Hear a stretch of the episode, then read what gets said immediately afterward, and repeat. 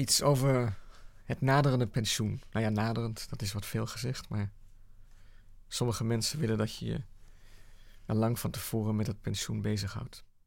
De titel is dan ook Waar je productiviteit terugschroeft. Als ik tijdens mijn gehele leven bij elkaar meer dan een half uur aan mijn pensioen heb gedacht, is dat veel. Maar op een donderdagochtend zat ik in Midtown Manhattan met twee bankiers over mijn pensioen te spreken. Het initiatief was van hen uitgegaan. Kennelijk vonden zij het tijd worden dat ik daaraan ging denken. Tijdens mijn korte vakantie op Malta had een van de bankiers mij gebeld om het gesprek voor te bereiden. Hij wilde weten op welke leeftijd ik van plan was met pensioen te gaan. Zeventig, had ik geantwoord. Eigenlijk wilde ik nooit met pensioen. Ik was van plan tot mijn dood door te werken, maar ik begreep ook dat dat een antwoord was waar zo'n bankier niets mee kon. Weet je dat zeker? vroeg hij. Wil je niet eerder in Europa op het strand gaan liggen? Nee, antwoordde ik, geheel naar waarheid. De toekomst, een strand, ik weet niet of dat me aantrok. Een naaktstrand misschien, maar dan moet je wel goed geconserveerd zijn op je zeventigste.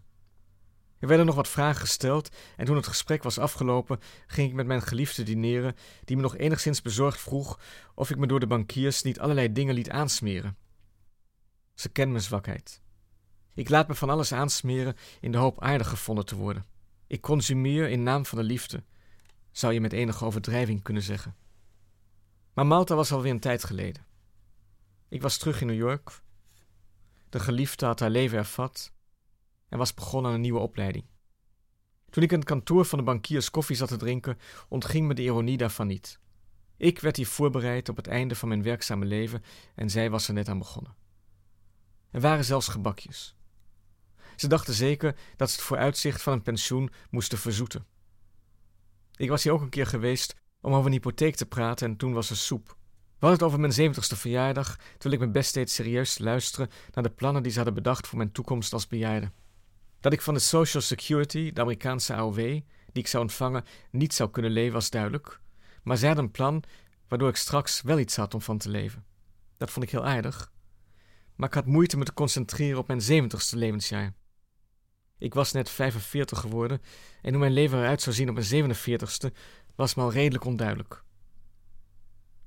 Jouw doel is het pensioen, zei de jongste bankier. Ik schat hem eind twintig.